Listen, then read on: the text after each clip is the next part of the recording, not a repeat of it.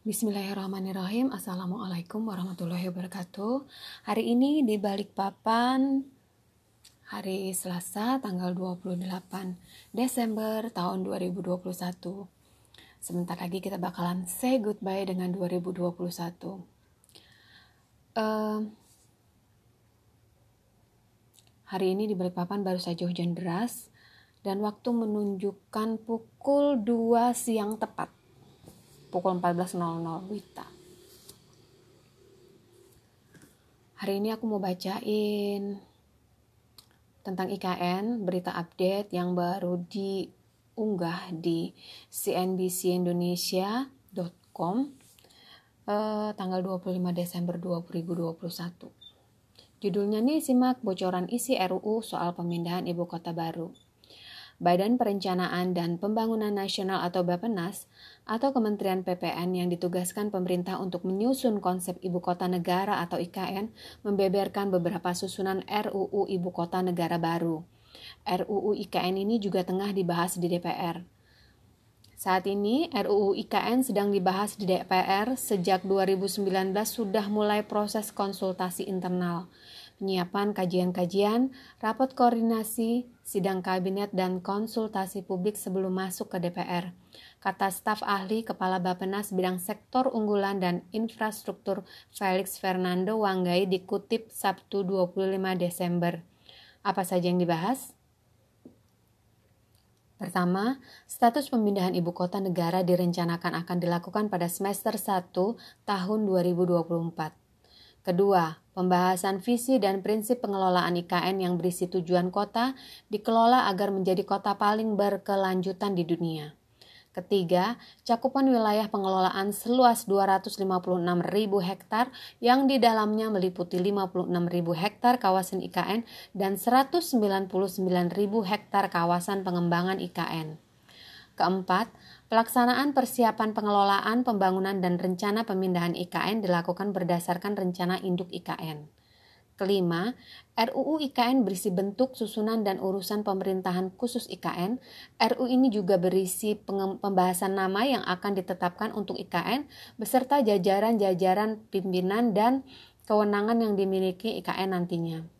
Felix mengatakan perihal nama untuk IKN baru akan dibicarakan dan disepakati lewat kesepakatan politik di DPR. Nanti namanya pemerintah daerah khusus IKN titik-titik. Nanti namanya ada kesepakatan politik di DPR, kata dia. Keenam, pembahasan tata ruang. Pembahasan ini berisi rencana tata ruang wilayah nasional hingga tata ruang wilayah Kalimantan. Ketujuh, Ruang lingkup hidup berisi perlindungan pengelolaan lingkungan hidup, penanggulangan bencana, dan pertahanan serta keamanan.